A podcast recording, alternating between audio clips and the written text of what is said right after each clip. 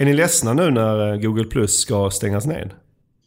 Nej, det skulle jag verkligen inte säga. Det är ingenting jag har använt så jättefrekvent, för att vara ärlig. Ni har inte använt det alls eller? Så jag har ju testat det, eh, om man får räkna det som användning. Simon? Har du Nej, använt det? jag har faktiskt inte ens eh, testat det. Nej men det är, det är lätt att bli lite så ironisk över denna kanske gigantiska flopp från Googles sida. Men på något sätt kan jag ändå känna när, när de nu lägger ner det. Att det är, ibland är det sådär att det är friskt vågat, hälften vunnet. Det var ett stort försök för dem. Det gick inte alls så bra. Men eh, vadå, så, så är det ibland. Man, allt man gör lyckas inte. Men vi hoppas innerligt att dagens avsnitt av Sökpodden blir en succé. Du lyssnar på Sökpodden. En podcast för dig som gillar Google, SEO och SEM. Sökpodden görs av Pineberry. Varmt välkomna till avsnitt 43 av Sökpodden. Mitt namn är Mikael Wahlgren. Idag har jag nöjet att sitta här med Simon Davidsson Hej hej. och Niklas Krus. Hallå, hallå! Vi har som vanligt tre ämnen idag och vi ska prata om shoppingrabatterna på Google.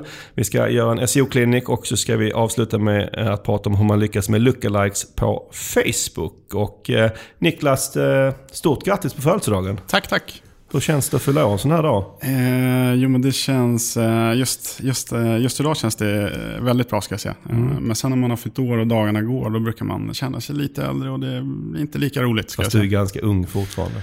Eh, eh, som tur är, Ja. ska jag säga. Mm.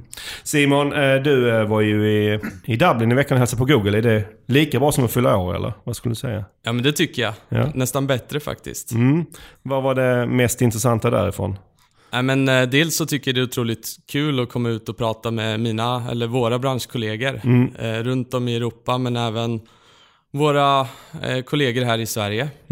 Eh, och sen eh, det, det som blev ganska stort fokus i alla fall mellan oss byråer var ju hur man hade hanterat det här med shoppingrabatterna som vi kommer prata om idag. Lämpligt att vi har det som ämne idag helt enkelt.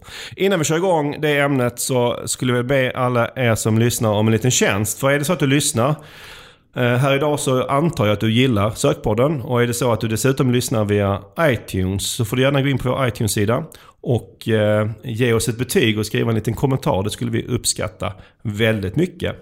Med det sagt så eh, kör vi igång dagens första ämne.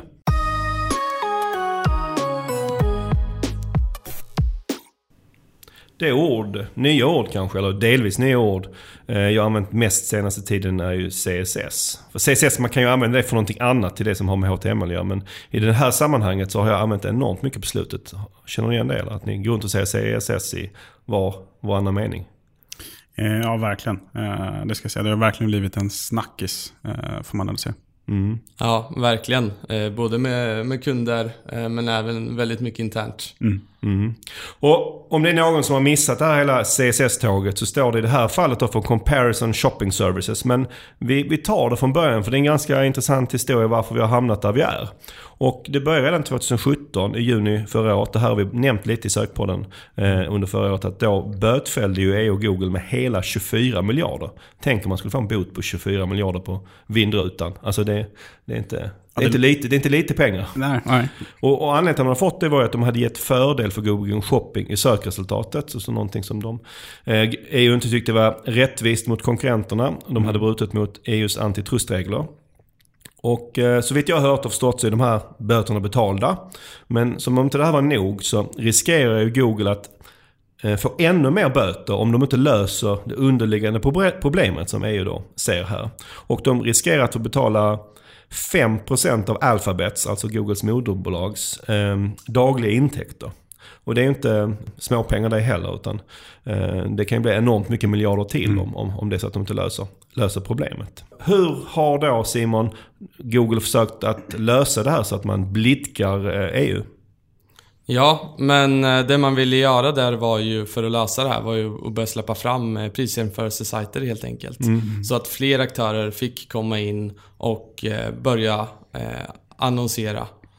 Och det här kom ju redan eh, egentligen förra året som man ser den här grejen. Men eh, då var det ju teoretiskt sett sajter som Pricerunner och Prisjakt man kanske tänker på i första hand. Den typen av sajter som bjöds in att få buda via Google Shopping själva direkt. Men detta funkar inte riktigt. Är ni, är ni förvånade över det? Att det inte flög? Egentligen inte. Eh, Jag tycker det handlar om att man måste skapa incitament. eh, Så att man som e-handlare faktiskt väljer att ta det här klivet över till en eh, CSS-partner. Och eh, jag tycker inte att de incitamenten har funnit fullt ut. Det har mest eh, eh, inneburit problem och kanske en kostnad mm. för e-handlaren istället mm. för en möjlig potential. Verkligen har ju varit noll fördelar och egentligen bara problem med att göra den här flytten.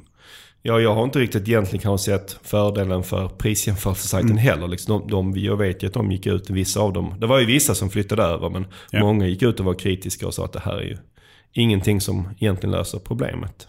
Men eh, som sagt, det här flög ju inte riktigt. Så på senaste tiden så har de ju valt en liten annan approach. Eh, hur har de då gjort?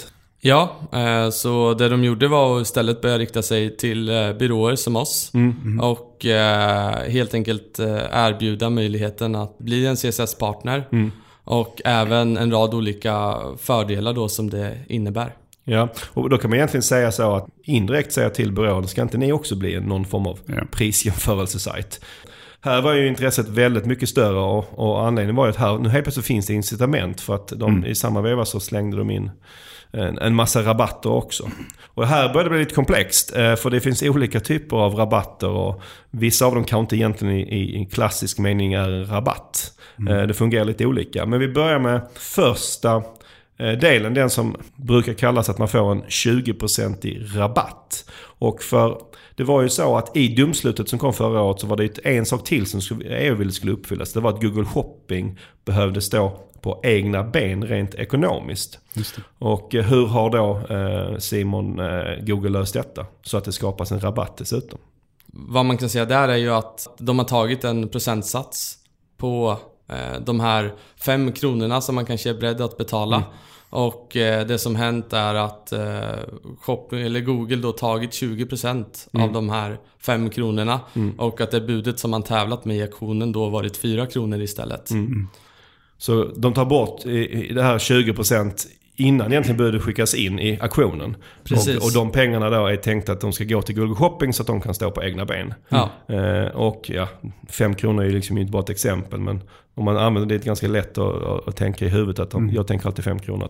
Man, man tänker sig att man budar 5 kronor, tar Google bort en krona och så mm. skickar man in 4 kronor i auktionen. Ja. Mm. Så, det, så ens bud blir liksom sämre om man då, i och med att de ska ta, ta bort 20% innan. Ja, exakt. Man, man tappar ju där, mm. eh, helt klart. Och om man då flyttar över till en, eh, till en CSS så försvinner ju inte de här 20% för då går inte pengarna till Google Shopping utan då, då slussas det eh, på ett annat sätt pengarna. Så att det finns en, blir en indirekt fördel på 20% mm. som händer in i auktionen.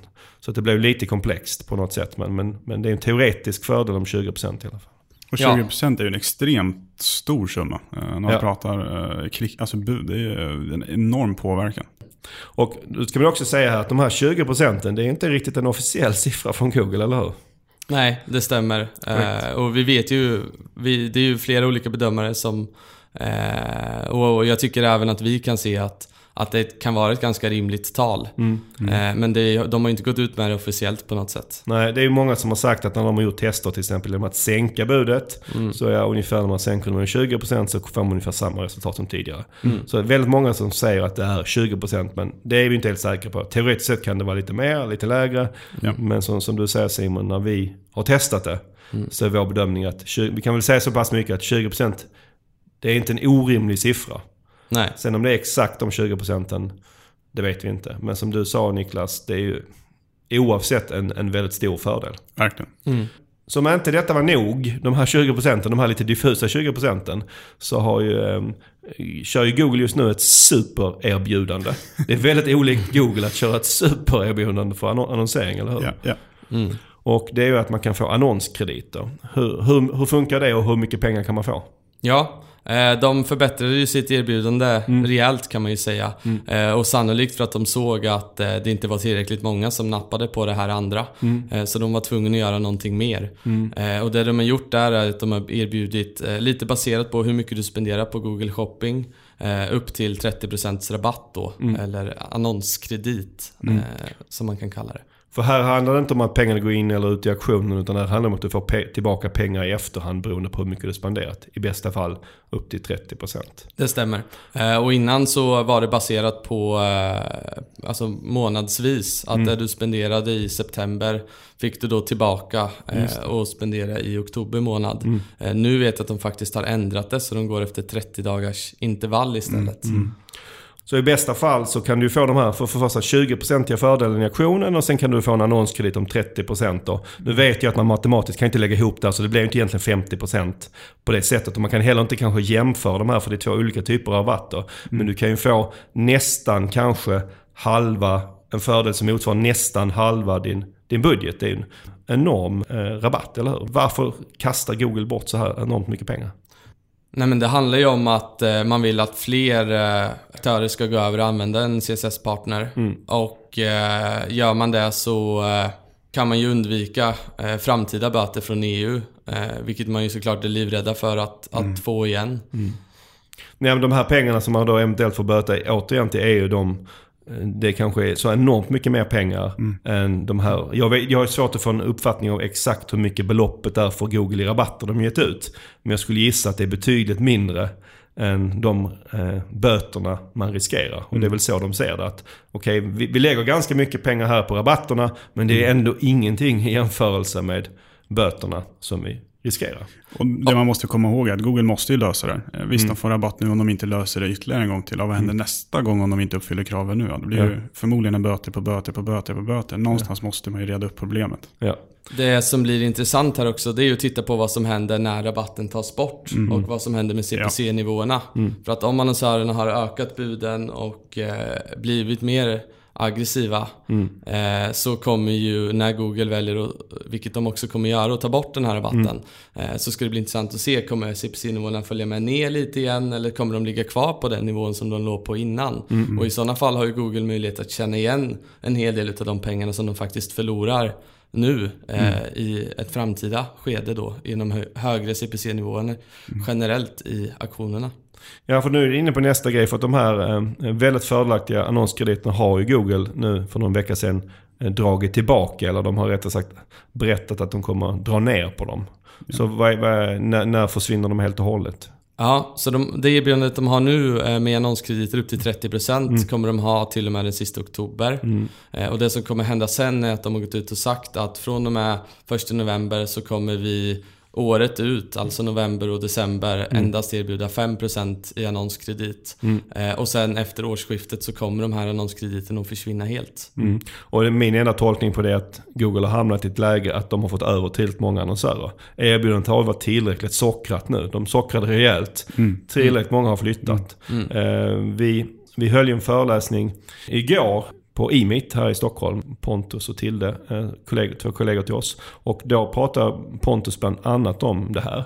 Och hans, jag frågade om hans känsla från de e-handlare som var där. Att hur många har flyttat till CCS versus hur många inte gjort det. Så var hans känsla att det var kanske 25% ta mm. det här med en nypa salt som hade flyttat. Och det, det är ju då antalet e-handlare. Men jag mm. tror det är en betydligt större del av pengarna som har flyttat. Verkligen. För att det är mm. säkerligen de stora e-handlarna som har haft störst incitament att flytta. Ja. Mm. Och så att jag skulle tro att det är en ganska stor del av, av pengarna som numera flödar via en CSS.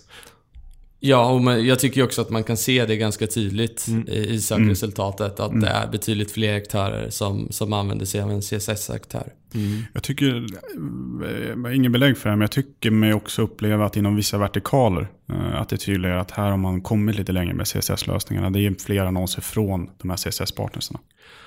Även om annonskrediterna nu försvinner här vid årsskiftet så det man inte ska glömma är att den här 20-procentiga budfördelen vi pratar om, den kvarstår Den finns ju fortfarande kvar. Mm. Så att det finns ju fortfarande en enorm fördel för annonsörer att köra via en CSS. Och eh, hur ska man använda den här fördelen tycker ni? Som jag ser det så finns det tre alternativ. Eh, och går vi in på det första alternativet så handlar det ju om att man eh, skulle kunna sänka sina bud med 20%. Eh, så det är ju väldigt bra om man är väldigt mån om sina marginaler mm. och man vill förbättra sin lönsamhet och kanske tycker att den är lite dålig idag. Mm. Det andra alternativet är ju att man ligger kvar med samma bud. Mm. Men då kommer ju budet att bli konkurrenskraftigare och man kommer köpa mer trafik. Så att även om CPC-nivån i sig inte blir högre eh, så är det ju så att man behöver vara beredd på att man behöver en lite större budget och bli lite mer offensivare i sin budgivning. Den tredje alternativet här, det är ju att man helt enkelt ser det här som en väldigt bra möjlighet att, att gasa på, kanske värdera shopping som kanal och allokera viss budget från söknätverket eftersom att man har den här fördelen. Eh, man kanske också vill se det som en bra möjlighet att eh, stärka sin position mot sina konkurrenter och helt enkelt vara än, kanske ännu mer offensiv i sin budgivning Ja. än vad man varit innan. För det naturliga kan man tänka att det är jättebra, nu sparar man 20% här, även om det inte funkar så tekniskt sett. Så, så, så teoretiskt sett kan man ju spara 20% på budfördelen. Men, men det kanske... Vad skulle ni göra om ni var e-handlare? Vilken av, om ni hade en egen e-handel? Skulle ni vara lite defensiva, ta pengarna, stoppa dem på banken eller skulle ni köra, gasa på? Det första jag skulle göra det är att sätta igång de eh, produktkategorier som jag haft svårt att få lönsamma tidigare. Som har legat där runt gränsen. eh, Och köra igång dem igen. Eh, Och få se om man kan få till ett bättre värde så att säga. Mm. Det beror ju helt på vilken situation man befinner sig i. Men eh, jag hade också försökt att eh, dra så stor nytta jag kan av det här. Och jag hade också även tittat lite på hur mina konkurrenter har agerat och eh, om mina konkurrenter har den här fördelen eller inte. Rent praktiskt, vad är det för skillnad om man annonserar eh, traditionellt via Google Shopping eller då via en sån här extern CSS? Alltså rent praktiskt så som det fungerar idag så är det egentligen ingen större skillnad. Nej. Eh, Du har fortfarande dina kampanjer via ads och du kan använda dig av precis samma st- strategi som innan eh, när det kommer till budgivning om du vill. Eller så väljer du att faktiskt se över din strategi naturligt i samband med det här, såklart. Och du annonserar på exakt samma ställe? Ja, exakt. Eh, Men däremot så är det vissa saker som behöver kopplas om i eh, Google Merchant Center. Eh, För du behöver faktiskt byta till en annan eh, extern då CSS och koppla ihop dig med den CSSen. Mm. Så egentligen man bara kopplar om det i bakändan? Ja, Ungefär som man byter bredbandsleverantör hemma liksom. Ja. Det är lite krångligt att göra det den här gången men sen bara rullar det på precis som vanligt. Jag ja. ska säga, det finns ju jättemånga guider på det här också. Så att sitter ni där ute och funderar på, på att göra det och känner att det skulle vara en jobbig grej. Det finns de som har gjort det här innan. Det finns guider. Det borde inte vara ett jättehinder att komma Ja. igång. Nej, och den här jobbigheten att komma igång är ju, heter det, uppvägs ganska väl över de stora fördelarna i det här fallet. Så, så eh, ni kanske redan har svarat på den här frågan, eller det har ni indirekt, men jag ställer den ändå. Finns det någon anledning att man inte ska köra via en extern CSS om man kör shopping? Nej, eh, jag kan egentligen inte se någon anledning till varför man inte skulle vilja göra det. Det kommer ju sannolikt vara så eh, att eh, alla inte har gått över till det här. Eh, Vilket gör att du får en enorm fördel. Sen är det så att om du väljer att annonsera via en extern CSS så tillkommer det oftast, inte kanske alltid, men i de flesta fall tillkommer det någon form av kostnad för att använda tjänsten. Ja. Och eh, det har vi ju lärt oss att det kan skilja ganska mycket i pris. Så det kan vara eh, bra att man kollar upp, kollar lite olika alternativ där. Men eh, vår, vår, vår känsla är ändå att den kostnaden är förhållandevis liten. I, I alla fall i vissa fall. Eh, I förhållande till vad man tjänar. Så att eh, ekvationen går ihop för de absolut flesta annonsörer skulle jag också säga.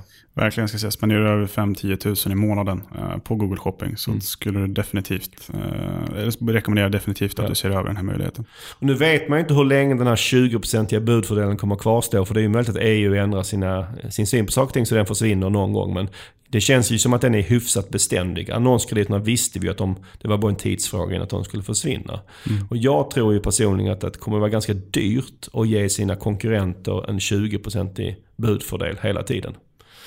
Men eh, så att det är väl inte helt an- osannolikt att tro att fler och fler kommer ändå flytta över till, till den här CSSen. Men vad, vad händer när alla är där? Vad händer när alla kör en extern CSS?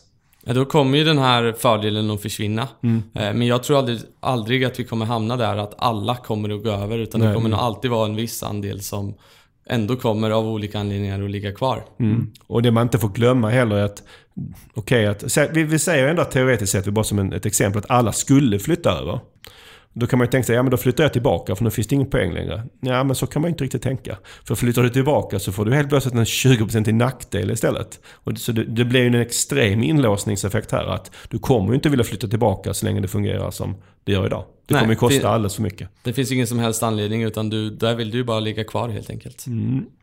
En intressant, kanske en av de intressantaste sakerna med det här, förutom att det är en möjlighet för e-handlare att, att kunna annonsera lite billigare, som jag tycker är, är det här en rimlig lösning som Google har gjort? Är det rimligt att massa byråer över Europa nu, eller inom EU i alla fall, har gått och blivit prisjämförelsesajter? Är det det som EU vill att Nej. lösningen ska vara?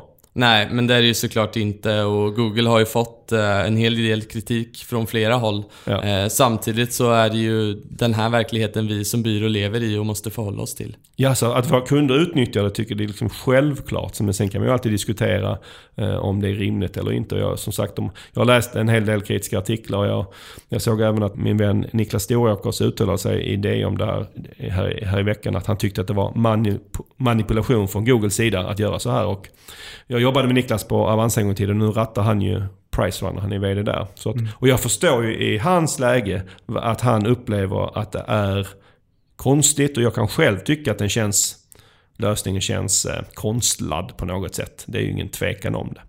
Men jag måste också säga att jag förstår också att Google måste hitta en lösning på det här. Som du också var inne på Niklas. De måste hitta en lösning.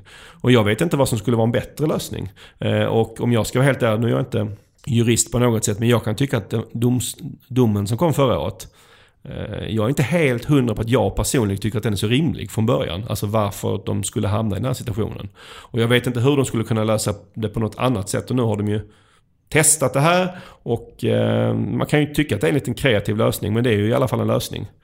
Och än så länge vet jag inte vad EU tycker om det. De håller fortfarande på att diskutera och fundera kring det här. Så det, det får vi väl se om de tycker att det är en okej lösning. Eh, eller om, om Google måste göra ännu större förändringar eller helt andra förändringar. Ja, och det ska bli väldigt spännande att se vad som händer framöver här nu med, med det här. För att vi kommer sannolikt få all anledning att komma tillbaka till det här ämnet. Ja, jag är helt övertygad om att jag kommer fortfarande fortsätta att säga CSS ganska många månader framöver också. Mm. Vad bra, men då lämnar vi detta ämnet och så går vi vidare till nästa.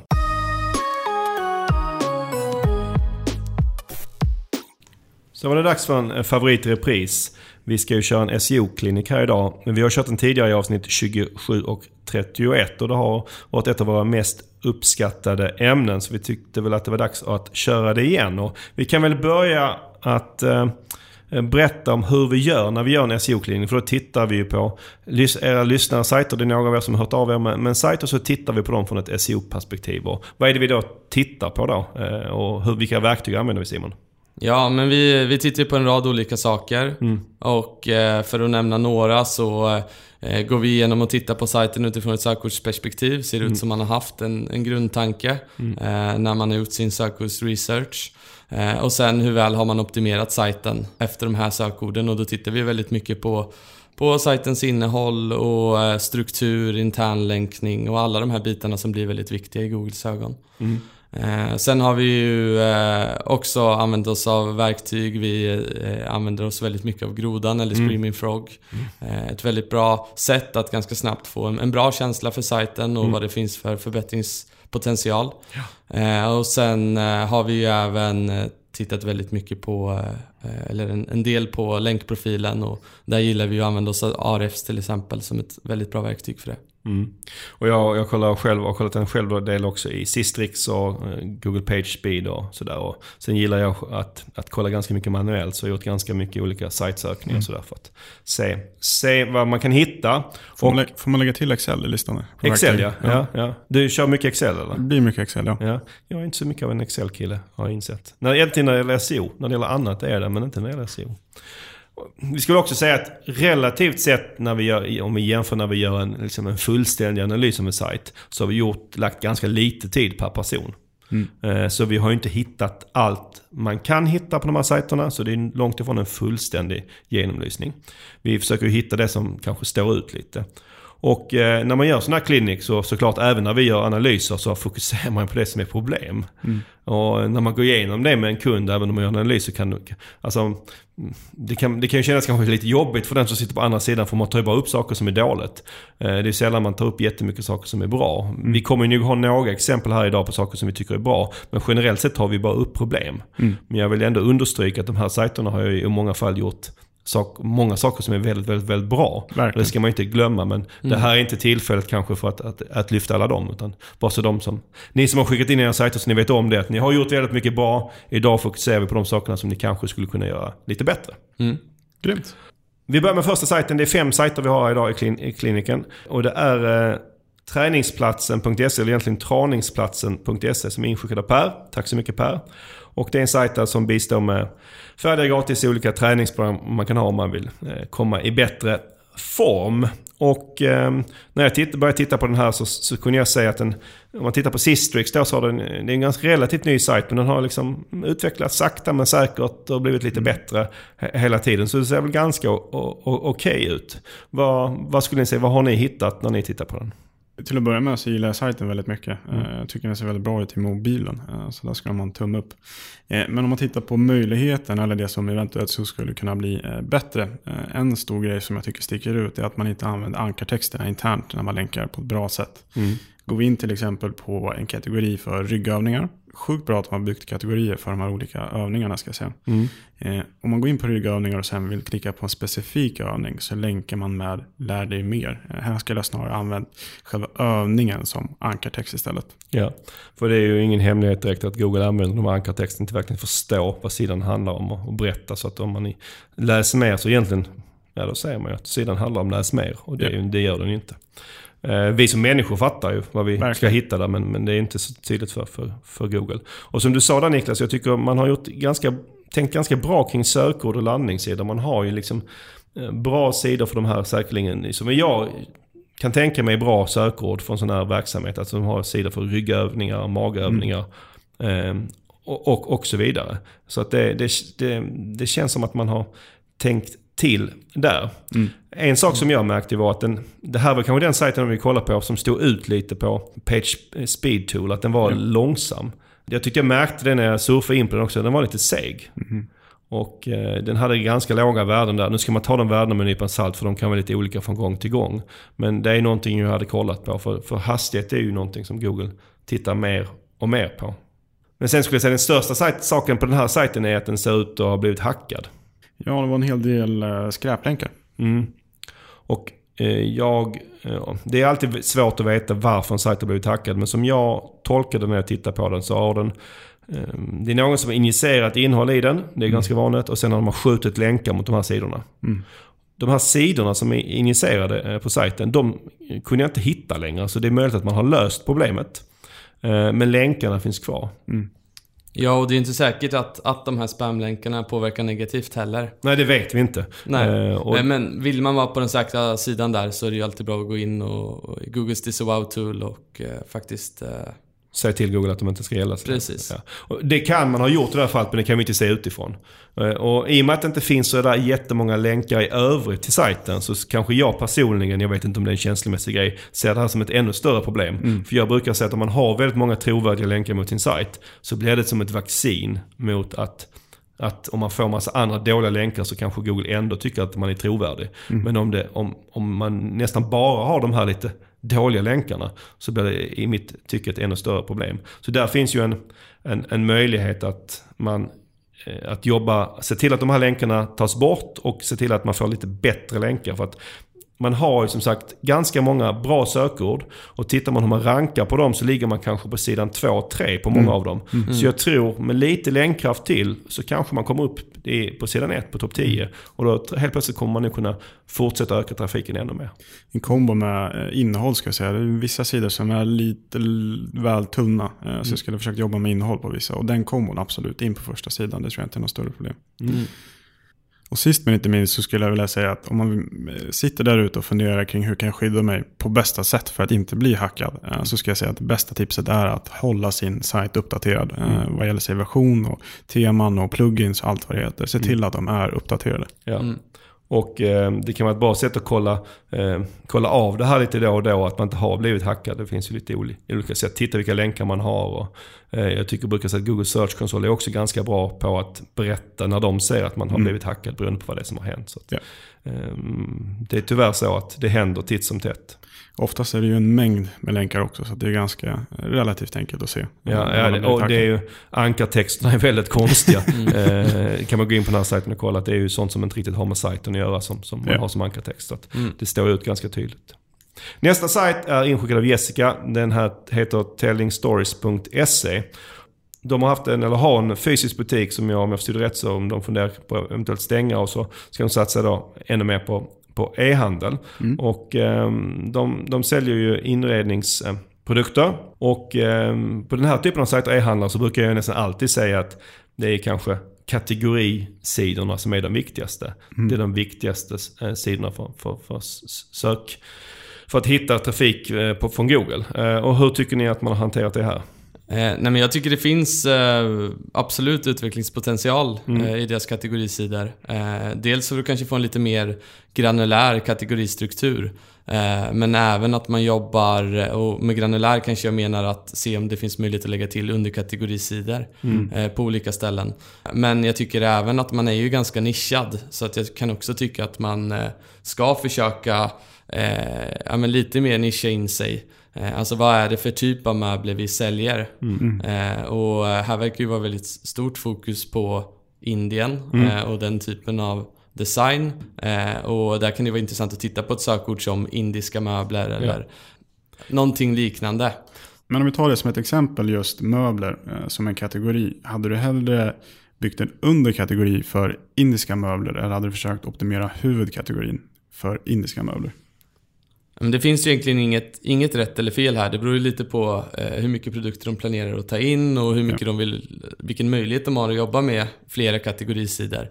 Men eh, som jag ser det så är det ett ganska tydligt tema på deras möbler så att och de nämner det väldigt mycket innehållet på den sidan redan idag. Så att eh, här skulle man ju eventuellt redan vilja ta in det i eh, huvudkategorin. Och sen kan man ju fortfarande bygga på med olika möbeltyper eh, under där sen.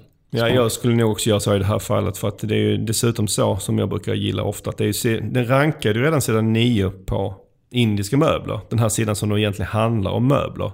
Så om man skulle tweaka den ännu mer mot indiska möbler så hade det ju liksom säkerligen tagit ett par placeringar var där. Sen finns det ju en ganska intressant sak med det här med sökordet just indiska möbler. För jag skulle tro att en hel del som googlar på det är ute efter vad heter det, kedjan indiskas möbler. Och det är någonting man inte riktigt kommer runt om man då säljer indiska möbler som i det här fallet. Så det får man väl bara acceptera på någon vänster. Liksom. Att det, det blir liksom att det är möjligt att en hel del som söker på indiska möbler är ute efter eh, butiken som heter indiska och ingenting annat. Nej, och det är jättesvårt att säga. Gör man just den sökningen så ser man ju att, ja men såklart så ligger ju indiska eh, med sin möbelsida väldigt högt upp där. Men sen ser vi ju att det kommer med många andra aktörer där under som faktiskt vill synas på det här sökordet också. Och det känns ju som att det, eh, det mycket väl kan vara väldigt många som inte är ute efter eh, möbler hos indiska utan faktiskt eh, den här typen av möbler. Ja, är, det så som jag uppfattar den här sajten, när man är lite speci- specialiserad på just indiska möbler, den typen av design. Ja, då måste man ju synas på det också för det är det man, det är det man har valt att Ja. man är specialiserad på. Så det finns ju inte kanske mycket val där. Generellt sett skulle jag säga på deras kategorisidor att i och med att de är så viktiga så är det också, för att de ska kunna synas på Google så är ju innehållet där väldigt viktigt. Och de är generellt sett ganska tunna här. De har väldigt lite innehåll. Eh, och det finns ju mycket att tjäna på att skriva mer och, och mer och mer relevant text kring de här viktiga kategorierna som finns på sajten. Och sen hittade jag också ett, jag tyckte det var ett ganska bra exempel på där man kan fundera över sökord. För en, en sak som verkar också vara en stor grej de har är olika Buddha-statyer. Och då har de som en kategori. Men den är optimerad för ordet Buddha. Men om man tittar på sökresultatet, om man googlar efter Buddha, så är det ju mer kring själva religionen. Liksom det kommer upp massa Ja. Wikipedia-sidor och information om det. Vilket också är rimligt, för det är kanske det man är ute efter om man då googlar bara på Buddha. Medan i det här fallet så skulle man den sidan kanske då snarare optimeras mot Buddha-statyer. För det är det man erbjuder. Ja. Så det är ganska bra att man spetsar till de här kategorisidorna lite så att de verkligen är optimerade för det det man erbjuder. Och de är ju lite breda idag kan jag säga, lite för generella. Sen en sak till jag hittade var att för sådana här, det är egentligen, jag kan tycka att Google Images eh, bildsöket är underutnyttjat av många men det kanske framförallt då är det viktigt för den här typen av e-handlare. När man har väldigt visuella produkter. Alltså när man ska köpa den här typen av produkter så är man väldigt mån om hur det ser ut i och med att det handlar om design och inredning. Mm. Och eh, i det här fallet så var det ungefär 20% av bilderna som saknade en alt-tagg. Ungefär handlar om 500 av 2 500 bilder som saknade en alt-tagg. Och utan en alt-tagg så blir det ju väldigt, väldigt svårt att synas i sökresultatet. Mm. Så det är sannolikt en ganska enkel åtgärd att se till att alla bilderna i det här fallet har, får en alt-tagg. Det skulle man kunna öka sin synlighet i alla fall i bildsöket. Här vill jag lyfta en positiv sak, för när jag kollar på det här så följer jag upp en annan sak. En sak som jag gillar i bildsöket just nu. Det är att, som kom för, det var i och ett år sedan det kom. Det är att Google, på, när man eh, bildgooglar på mobilen så, kom, så skriver de ju ut om det finns en produkt bakom. Mm. De gör ju även det för recept och liknande. Jag tycker det är en fantastisk grej för att innan när jag till exempel vill köpa ett par gröna sneakers så ja. googlar jag på gröna sneakers och så såg man en snygg och så klickar man och så fanns det ingen produkt att, att mm. köpa för att det var kanske, den låg på en blogg eller någonting sådär. Mm. Eh, men för de ska göra det så måste man implementera ett schema.org mm. korrekt. För att de ska kunna förstå att det finns en produkt här bakom, bakom den här bilden. Mm. Och där har den här sajten gjort rätt. Mm. Och det är jättebra för då öppnar man upp möjligheten för att, att driva ännu mer kommersiella sökningar genom bildsöket. Att man kan sälja kanske ännu mer direkt från bildsöket. Så det tycker jag är bra. Det ska man tänka på. Jag tycker schemat.org eller strukturerad data blir viktigare och viktigare också. Man märker att det går ihop med produkter som Google Ads, vi pratar Facebook Ads. Eh, vi kan nyttja den här formen av, eller den här möjligheten att kunna strukturera innehållet på sajten mm. mot flera kanaler. Eh, så definitivt, överväg eh, att lägga ner lite extra tid på att strukturera datan. Mm.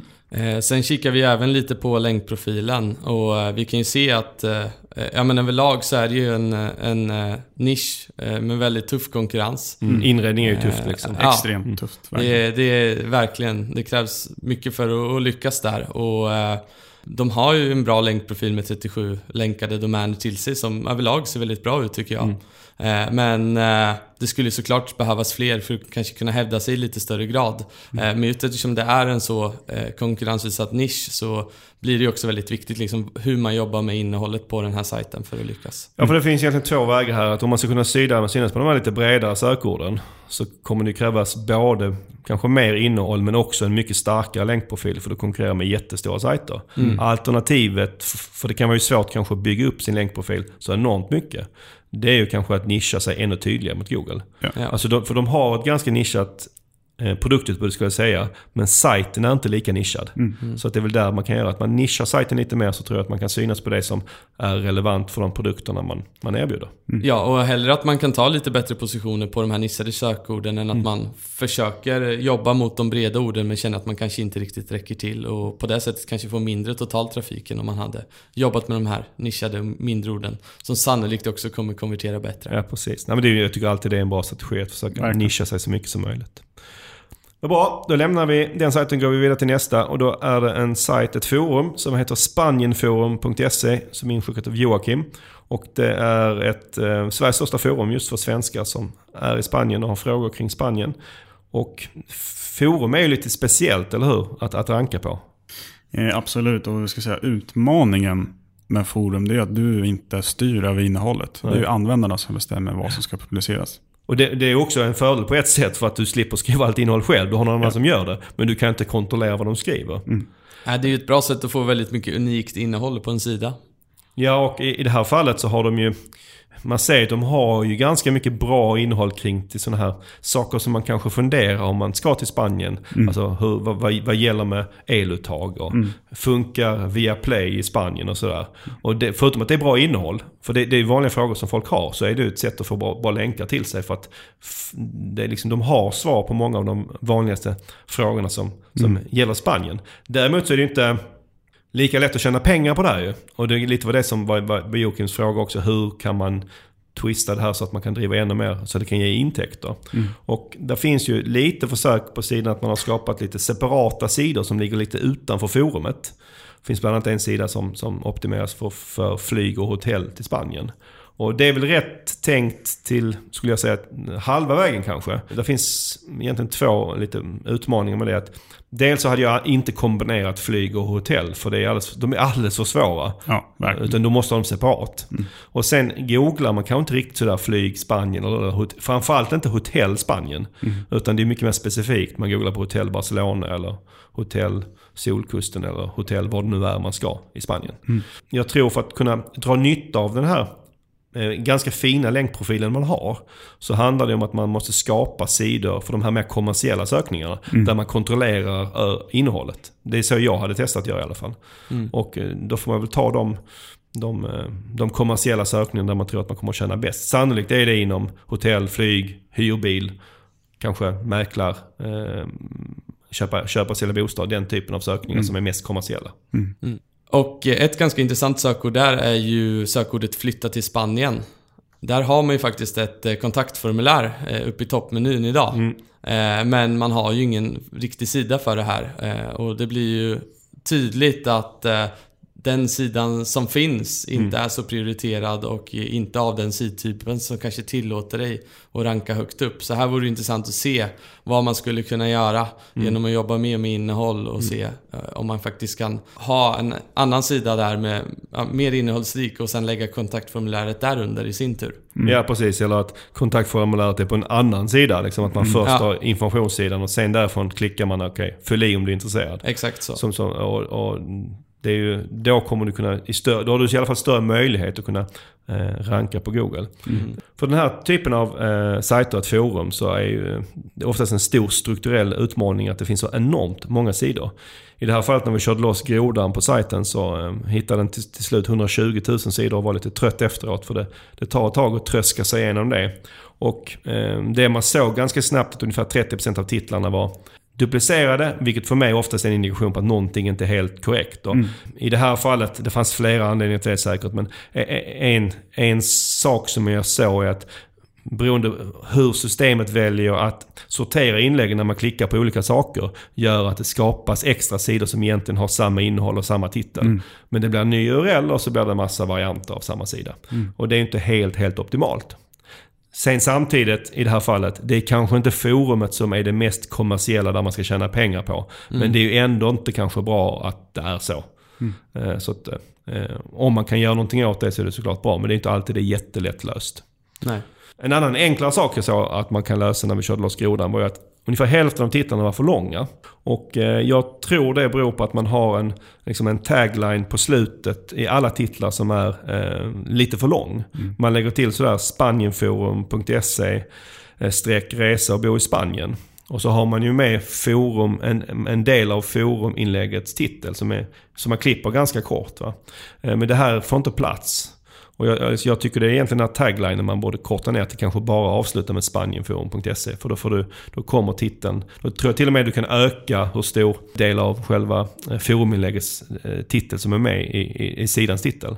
För som det är nu så får den ofta inte plats. Så det är en ganska smart sak att, att fixa skulle jag tro. Eh, om vi ska summera det här så skulle jag väl säga att eh, det vi hade gjort här är att jag har försökt utnyttja den fina länkprofilen eh, genom att skapa en helt typ av nya sidor som ligger utanför forumet. Det tror jag det hade varit spännande att testa och se vad det kan ge. Mm, verkligen. Eh, Nästa sajt i vår lista är inskickad av Andreas och den heter presenttipsaren.nu. Och det är en sajt eh, som är byggd i Wordpress eh, med WooCommerce. Och här skulle jag börja säga att här har, jag vet inte om det är Andreas, men någon, det kan ha varit Andreas eller någon som har, som har byggt sajten. De har tänkt ganska bra när det gäller sökord.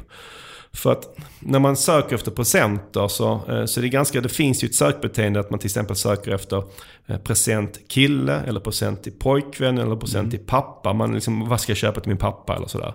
Och då har de ju skapat sidor utifrån varje variant av det här. Det skulle kanske vara lätt annars att man bara har en presentsida för alla former av män och en för alla former av kvinnor. Men här har man faktiskt varit ganska smart att dela upp det per typ av man och per typ av kvinna. Och För det är så man söker också. Eh, Hade det inte funnits ett sökbeteende kring det så hade det inte varit så smart. Men i alla fall så finns det ett sökbeteende. Ja, Så, verkligen. så det, är, det, det är bra. Men sen är någon utmaning med att, ha, att göra så här. Men det ställer ju lite högre krav på innehållet för du måste ju verkligen tänka till här när du, när du skapar innehåll för de här sidorna så att du inte blandar innehåll eh, och, eller kopierar innehåll så att du får den här dupliceringsproblematiken. Eh, och där ser man ju att majoriteten av innehållet eh, på de här sidorna är ju unikt men allt innehåll är det inte. Nej. Så att en bra rekommendation där är ju faktiskt att gå över och kolla hur mycket eh, unikt innehåll har vi och kan vi, kan vi förbättra det? Och en sak som jag som har med det här med att, att man skär sökorden på det här sättet att göra som jag såg i en av titlarna. Som jag, jag är inte helt hundra på att det är dåligt men jag vill ändå lyfta det. Det är att eh, titeln för sidan för, för present till pojkvän är så här, presenttips till pojkvän. Hitta roliga presenter till din kille. Och nu är det ju så att de har ju en landningssida för present pojkvän och en för present kille. Så egentligen kan man säga att det blir någon form av intern konkurrens här och man kanske ska hålla sig strikt till pojkvän i ena fallet och strikt till kille i andra fallet. Normalt sett annars när man jobbar så, så brukar man ju säga att jag tar gärna med synonymer och liknande mm. ord. Mm. Men här kan det bli ett problem i och med att det kan bli lite av en intern konkurrens. Sen såg jag att i ganska många titlar så står det, står det ordet arkiv. Ja. Och det, jag tror det är en Wordpress-grej som har på något sätt lurat sig in i titlarna. Så det hade jag försökt städa ut för det ser inte så snyggt ut att, att det är med i så många titlar. Eh, en annan grej jag hittade det var gällande metabeskrivningarna. Eh, och det såg ut som att det var ungefär runt 50% av eh, alla sidor som saknar metabeskrivningar. Mm. Mm. Och det är väl framförallt ur ett CTR-perspektiv att vi ska kunna styra vad som faktiskt syns i SERPen. Ja. Och således kunna öka din CTR helt enkelt. Ja, och har man många sidor på en sajt så kan det ju kännas jobbigt att sitta och skriva 50, alltså sitta och skriva, framförallt om man har Spanienforum med 120 000 sidor. Så. Men, men då får man ju börja på sina viktigaste liksom. Verkligen. Eh, för att det är ju där du tjänar pengar och det är klart, har du en bra metabescription där så är det mycket större chans att du får klicket. Och om du, för att du vill ju ha klicket för det är då du kan tjäna pengar. Det är en mm. förutsättning för att du ska kunna tjäna pengar på det. Mm. Så det är ändå ganska viktigt. Eh, de har inte, den här sajten har inte så många länkande domäner till sig, bara 11 stycken. Men det är inte så det är jättekonstigt för det är en ganska ny sajt. Så det är inget konstigt där. Men det innebär ju också att det finns ju ett, ett, ett långsiktigt arbete där att bygga upp en, en starkare länkprofil så att man kan synas på sitt, sitt innehåll eh, mm. på ett bättre sätt på lång sikt. Då har vi en sajt kvar. Eh, inskickad av Anneli och det är sealife.se. Och det här är ju en en relativt eh, stor e-handlare som har funnits ganska länge. Och eh, om man tittar då, även här om man tittar i Sistrix så har de ju SEO-mässigt eller synlighetsmässigt utvecklats positivt de senaste åren. Så det är ju det är mm. alltid ett bra tecken att man inte ser något, att det går åt fel håll. Mm. Eh, jag, jag sa ju tidigare att jag, för e-handlare så brukar kategorisidorna vara de viktigaste. En annan typ av sidor som, som oftast kan vara väldigt viktiga är ju varumärkessidor. Mm. Och i det här fallet skulle jag säga att de kanske till och med är viktigare än kategorisidorna. För det här är ju en, en e-handlare som är fokuserad på väldigt, väldigt kända varumärken. Det mm. känns ju som att det är det som de verkligen deras grej. Att de, de erbjuder ett par riktigt, riktigt stora varumärken som till exempel Canada Goose. Så mm. där de säljer deras produkter. Och då blir de sidorna väldigt, väldigt viktiga. Och eh, man har ju sådana sidor på sajten, till exempel Canada Goose. Men en sak jag märkte där som jag faktiskt inte, jag, jag kan ha sett det någon gång innan men det var lite nytt för mig. Det är att man har en sida om varumärket. Och sen lite längre ner på den sidan så länkar man till ytterligare en sida där man kan läsa ännu mer om varumärket. Där det finns mm. ännu mer text. Och det här blir ju ett problem för att eh, du får ju två sidor som konkurrerar med varandra. Mm. Och även om det inte blir den här konkurrensen så, så vill du ju såklart ha den här texten du har på, näst, på, på sida två så att säga. Vill du ju helst ha på sida ett. För, ja. att, för att öka chansen att ranka på det här sökordet. Och det här är något vi ganska, ganska ofta ser kan jag tycka. Eh, att man väljer att ha innehåll till exempel i form av guider eller så. Mm. Eh, på, en, på en annan sida för att man kanske upplever att det förstör användarvänligheten lite om man lägger in det på en och samma sida. Ja. Eh, så där behöver man ju hitta eh, ett sätt för dem att, att behålla eh, all, och samma, all text på samma sida ja. men på fortfarande behålla användarvänligheten. Och ofta så kan man ju få det här att gå hand i hand. Ja, personligen tycker jag inte att det skulle vara ett problem i det här fallet. Och om man nu håller med oss, det är inte säkert man gör, men om man håller med oss att det är de viktigaste sidorna rent sökmässigt så är det klart att man vill satsa max på dem. Verkligen. Eh, mm. Sen har de ju också en, om man tar Canada som exempel, så har de ju också en sida för Canada här och en för Canada dam. Vad tycker ni om det? Är det en bra lösning eller är det en dålig lösning? Så det beror på lite grann varumärket. Man får någonstans se till mängden varumärken man har och hur de väljer att mm, hur många olika produktkategorier de har. Mm. Som vi tar Canada Goose som ett exempel så förknippar ju många det med en jacka. Kanske mm. en vinterjacka till och med. Mm.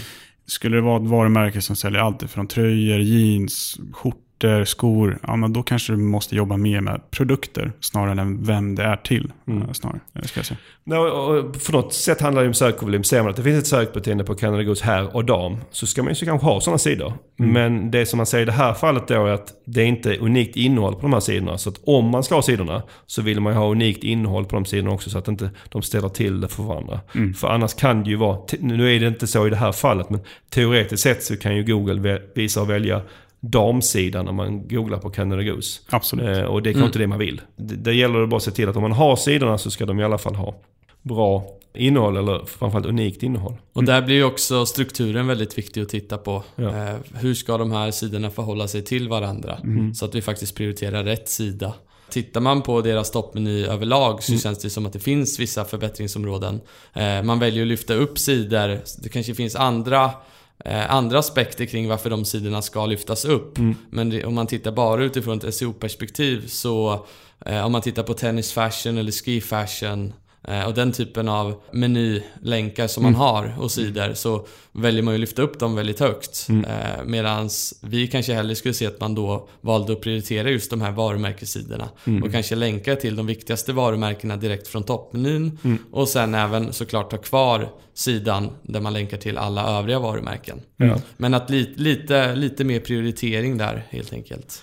Alltså det är ju en, en sak vi ofta har när vi, när vi gör analyser. Att vi tycker kanske att man har... Alltså vi tycker ofta att man har för lite fokus på sina viktigaste produkter eller tjänster i toppnavigeringen. Att mm. man har, har saker där som kanske inte är så viktiga. Mm. I det här fallet dessutom så, så är det ju engelska ord. Som mm. ski fashion, tennis fashion, training och sailing och sådär. Jag tror inte att det är så superrelevant för dem. Och just sailing är också lite speciellt. Jag, vet, jag, jag, jag googlar på sailing och mm. där kommer ju de första sökträffarna handlar om Rod Stewarts låt som heter så. Så det är ju liksom inte ett, ett intressant sökord av många aspekter för, för den här sajten. I alla fall inte på den svenska marknaden. Mm. Så som du sa, jag inte, så hade jag kanske i alla fall tänkt tanken att man kanske har fem varumärken eller jag vet inte hur många det är som står för en väldigt stor andel av ens försäljning. Mm. Då kanske man vill ge dem absolut bästa chans att synas på Google genom att trycka upp dem lite högre. Mm. Så hade jag också prioriterat, verkligen. Sen såg jag en sak när vi körde loss grodan. Det här är också en sajt som har väldigt mycket, mycket sajter och som, som fick mig haja till lite. Och det var ju att 98% av titlarna är duplicerade. Mm. Och eh, ser jag en hög siffra här, i fallet med med Spanien-forum så var det ju 30% redan mm. där hajade till. Men 98% det är ju... Jag har kanske sett en högre siffra, men den är det är högt alltså. Och anledningen till att du vill ha en unik titel är att varje sida på din sajt ska handla om en unik sak. Ja. Så har du en sida med samma titel så är det ett tecken på att någonting är fel. Mm. Och mm. stora sajter som den här har alltid en del duplicerade titlar. Det är helt omöjligt att undvika. Men 98% är lite och ta i. Jag grävde inte exakt alla anledningar, för det här finns många anledningar till att det är så här. Men några var ju till exempel, som är så klassisk för e-handel, att eh, vissa produkter ligger i flera olika kategorier. Mm. Och, och har en olika URL varje gång de ligger med. Så för Google blir det olika sidor, men det är egentligen samma produkt. Mm. Och det finns ju, den bästa lösningen där tycker jag att man alltid har samma URL, att det aldrig ändrar sig och så blir det mm. inget problem. Ett annat problem som var vanligt här är att många av deras kläder finns i olika färger, det är ganska vanligt det också. Men de har valt en lösning då att varje färg av till exempel en jacka får en egen URL, en egen sida. Och, eh, men de har samma titel. Det är inte ens, man har inte ens lagt till röd eller vit eller sådär mm. i titeln. Utan det är exakt samma titel på de här, på de här sidorna. Och jag brukar, det här med färg är ju ganska intressant. För att ibland kan jag tycka att det kan vara rätt att ha en specifik sida för det. Om det återigen om det finns ett sökbeteende. Att det kanske finns en anledning att man ska ha det. Men då är det ju viktigt såklart att innehållet är unikt. Och ja. Där kan det ju vara kämpigt såklart kanske att få till en unik brödtext. Men man borde i alla fall få till en unik titel. Mm. Mm. Ska man ha det så blir det ju viktigt att man också är beredd att lägga lite tid på på de här sakerna. Ja. Och, och, oftast kan det ju finnas en lösning, en teknisk lösning. För man kanske vill ha den här sidan från den röda jackan eh, från ett användarperspektiv. Om man vill kunna länka till den. Men då finns det ju tekniska lösningar som gör att man bygger en sida som finns för användaren men inte för, finns för Google. Till exempel genom att ha hashtaggen i URLen. Eller vilken lösning man väljer att välja. Mm. Det finns ju tekniska lösningar där man kan få båda två så att säga. Hittar vi, hittar vi någonting på länkprofilen på Sealife? Ja, lite små grejer till att börja med. De har runt ungefär 100 länkade domäner mm. Eh, som pekar till sajten. Varav 10%, det vill säga 10 av de här länkarna pekar till 404-sidor. Det vill Mm. säga att den länkkraften inte förvaltas på ett bra sätt idag. Så jag skulle definitivt se över hur man kan träna rätta de här till en respektive produktkategori eller beroende på vad det är för något. Mm. Det är ganska vanligt för e-handlare att vet, kategorier eller sidor försvinner och så pekar länkarna fel. Ja. Och i det här fallet så, eh, det kommer ju garanterat vara deras tio enklaste länkar att fixa. Ja. Så att det kommer kanske inte göra underverk, men, men de kan ju förbättra sin länkprofil med allt annat lika 10% med en, en väldigt enkel åtgärd. Så det hade jag också tagit tag i ganska omgående. Vad bra. Ett stort tack till alla ni som har skickat in era sajter för SEO Clinic. Det var ju några som skickade in som inte fick plats denna gång. Vi fick nöja oss med fem för att avsnittet inte skulle bli hur långt som helst. Eh, och ni står på kö till nästa gång. Och är det så att det är någon som lyssnar som känner att jag vill också att minst, ni ska kolla på min sajt nästa gång. Så skicka in eh, ett mail till sokpodden.pineberry.com så lägger vi det på listan tills nästa gång eh, vi kör en klinik. För det blir garanterat någon gång till framöver. Då eh, går vi vidare till dagens sista ämne.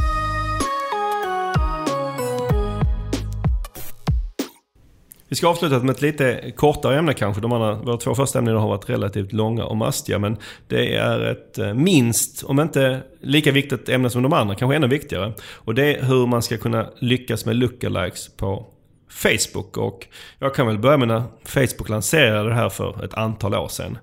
Så ja, för mig kändes det som ett litet mumbo jumbo. Det här kommer aldrig fungera.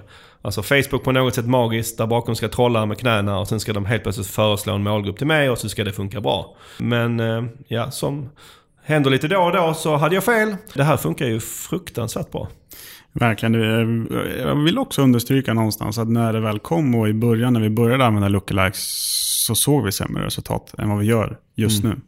Eh, Så får jag ändå säga att du hade delvis eh, rätt där. Ja. Men det som är lite speciellt här är ju att Facebook kollar på massa saker eh, på användarna. Och ingen vet, man vet inte kanske exakt, men vi vet lite. Vad är det man kollar på?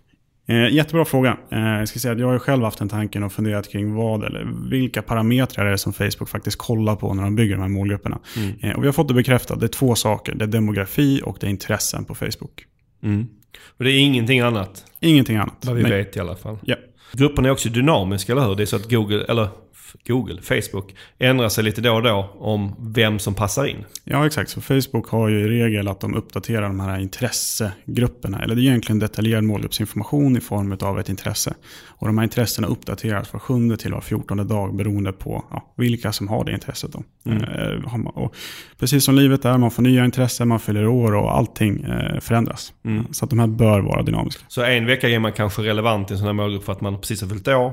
Men sen någon månad senare så är man för långt från sin födelsedag så då helt plötsligt så är man inte med. Och framförallt med saker och ting som har exploderat har vi Pokémon Go som ett exempel för några år sedan när det kom. Ehm, ja, där tittar vi liksom på en period av en månad där miljontals människor får det här intresset. eh, som knappt kände till vad det var för något tidigare.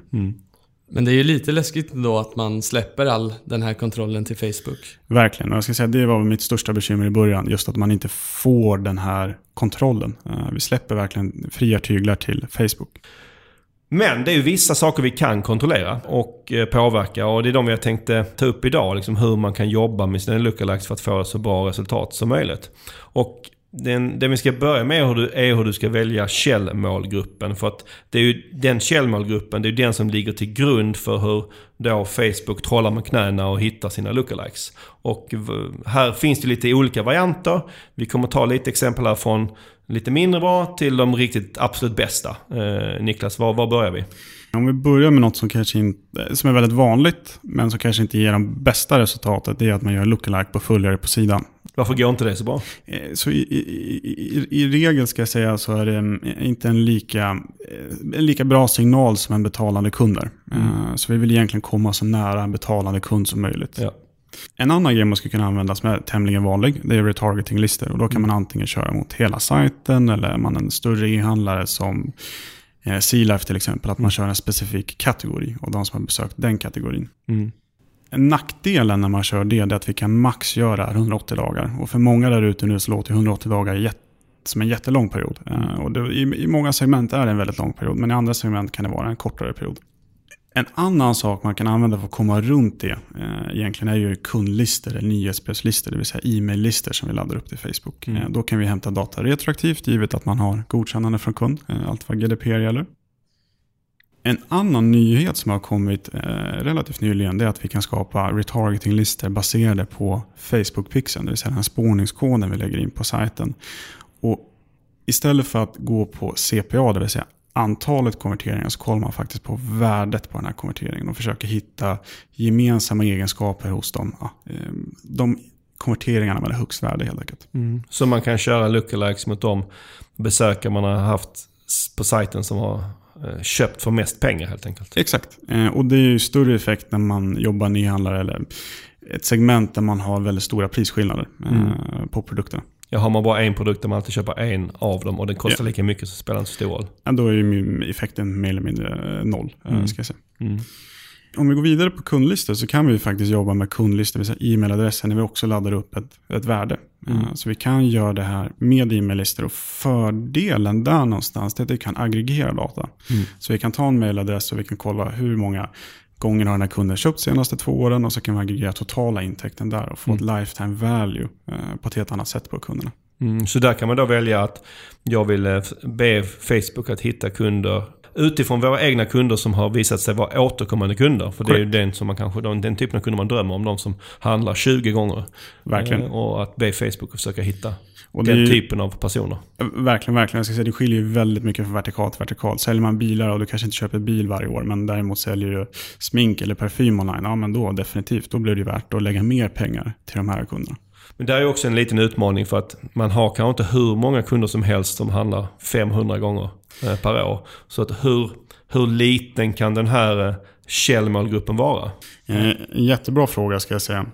På Facebook har vi ett minimum 100. Och precis som Google Ads ska jag säga så är väl det i det lägsta laget. Mm. Vi vill ju ha så mycket data som möjligt. Ju fler signaler vi har, ja, teoretiskt sett ju bättre output ska vi få därefter också. För att om du ber Facebook att skapa lookalikes utifrån 100 personer så mm. blir liksom, det, finns det risk att de träffar fel. Verkligen, och det, risken finns ju även med 1000 personer. Men ju mer personer vi har, ju mm. mindre blir risken. Mm. Men hur, hur stor grupp skulle du säga att det är lagom eller är rimlig? I Sverige så pratar vi kanske en grupp på 1000 5000 personer. Ja. Som ett minimum, ska jag ja. säga. Och det är väl ungefär det Facebook eh, rekommenderar också.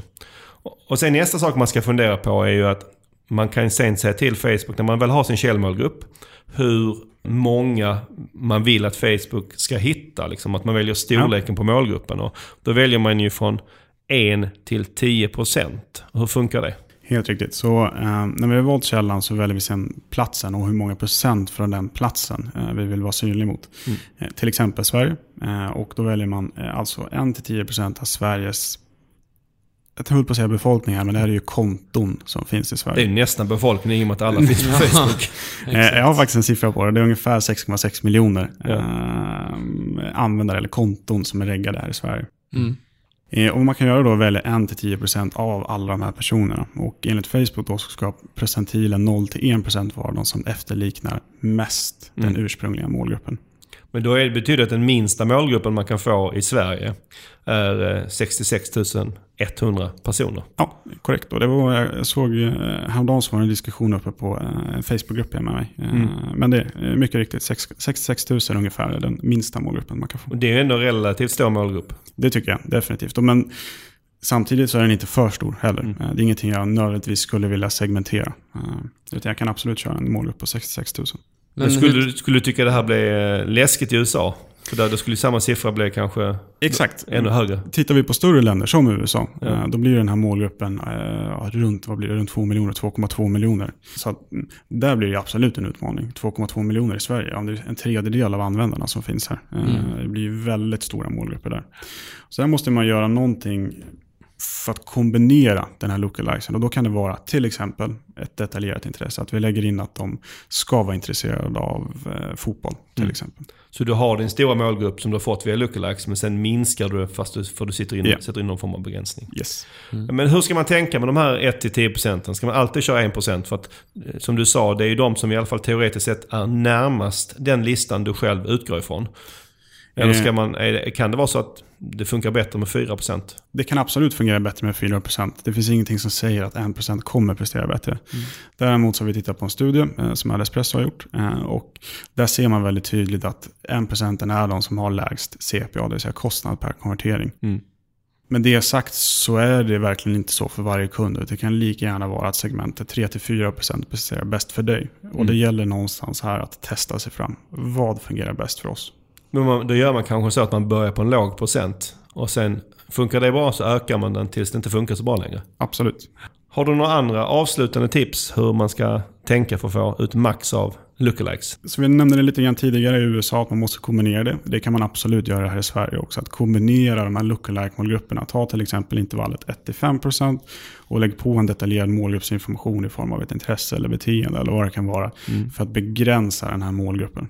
Ett annat problem, och det bygger ju någonstans i att vi faktiskt tappar kontrollen. Vi vet ju inte exakt vilka Facebook har valt ut här eller vilka parametrar man har valt ut här. Det gör att vi teoretiskt sett borde få ett överlapp. Och det här överlappet kan skilja sig väldigt mycket från kund till kund. Men det kommer definitivt finnas ett, ett överlapp. Eh, så det gäller att utesluta de här retargeting, eller förlåt, de här lookalike-målgrupperna ur våra intressemålgrupper till exempel. Så att vi inte får det här överlappet. Bra tips eh, Niklas. Då var det dags för oss att avsluta dagens avsnitt.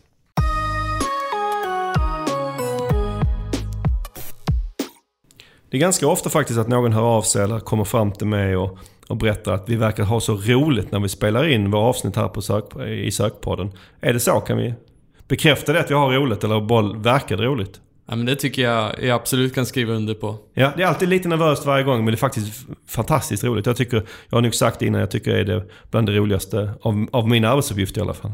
Verkligen, jag kan verkligen understryka på det. Och, eh, tyvärr får inte ni lyssnare höra på allting, men vi klipper bort väldigt många roliga segment också. Ja, det Eh, så roligaste klipps kanske nästan bort ibland. Och är det så att du som lyssnar kanske vill vara med i Sökpodden, då, då är faktiskt mitt bästa tips att eh, börja jobba hos oss. Och just nu söker vi framförallt SEM-konsulter, både juniora och seniora. Gå gärna in på jobb.pineberry.com och kolla vad vi söker just nu, eller skicka iväg en spontan ansökan. Så kanske det är du som sitter framför en av mickarna här om ett tag. Det hade jag tyckt var väldigt kul i alla fall. Har du feedback på dagens avsnitt eller vill föreslå ett framtida ämne så hör vi dig på Facebook till oss på Pineberry eller skicka ett mail till sokpodden at pineberry.com. Tusen tack för att du har lyssnat idag. Sköt om dig tills vi hörs nästa gång. Tack och hej! Tack för idag.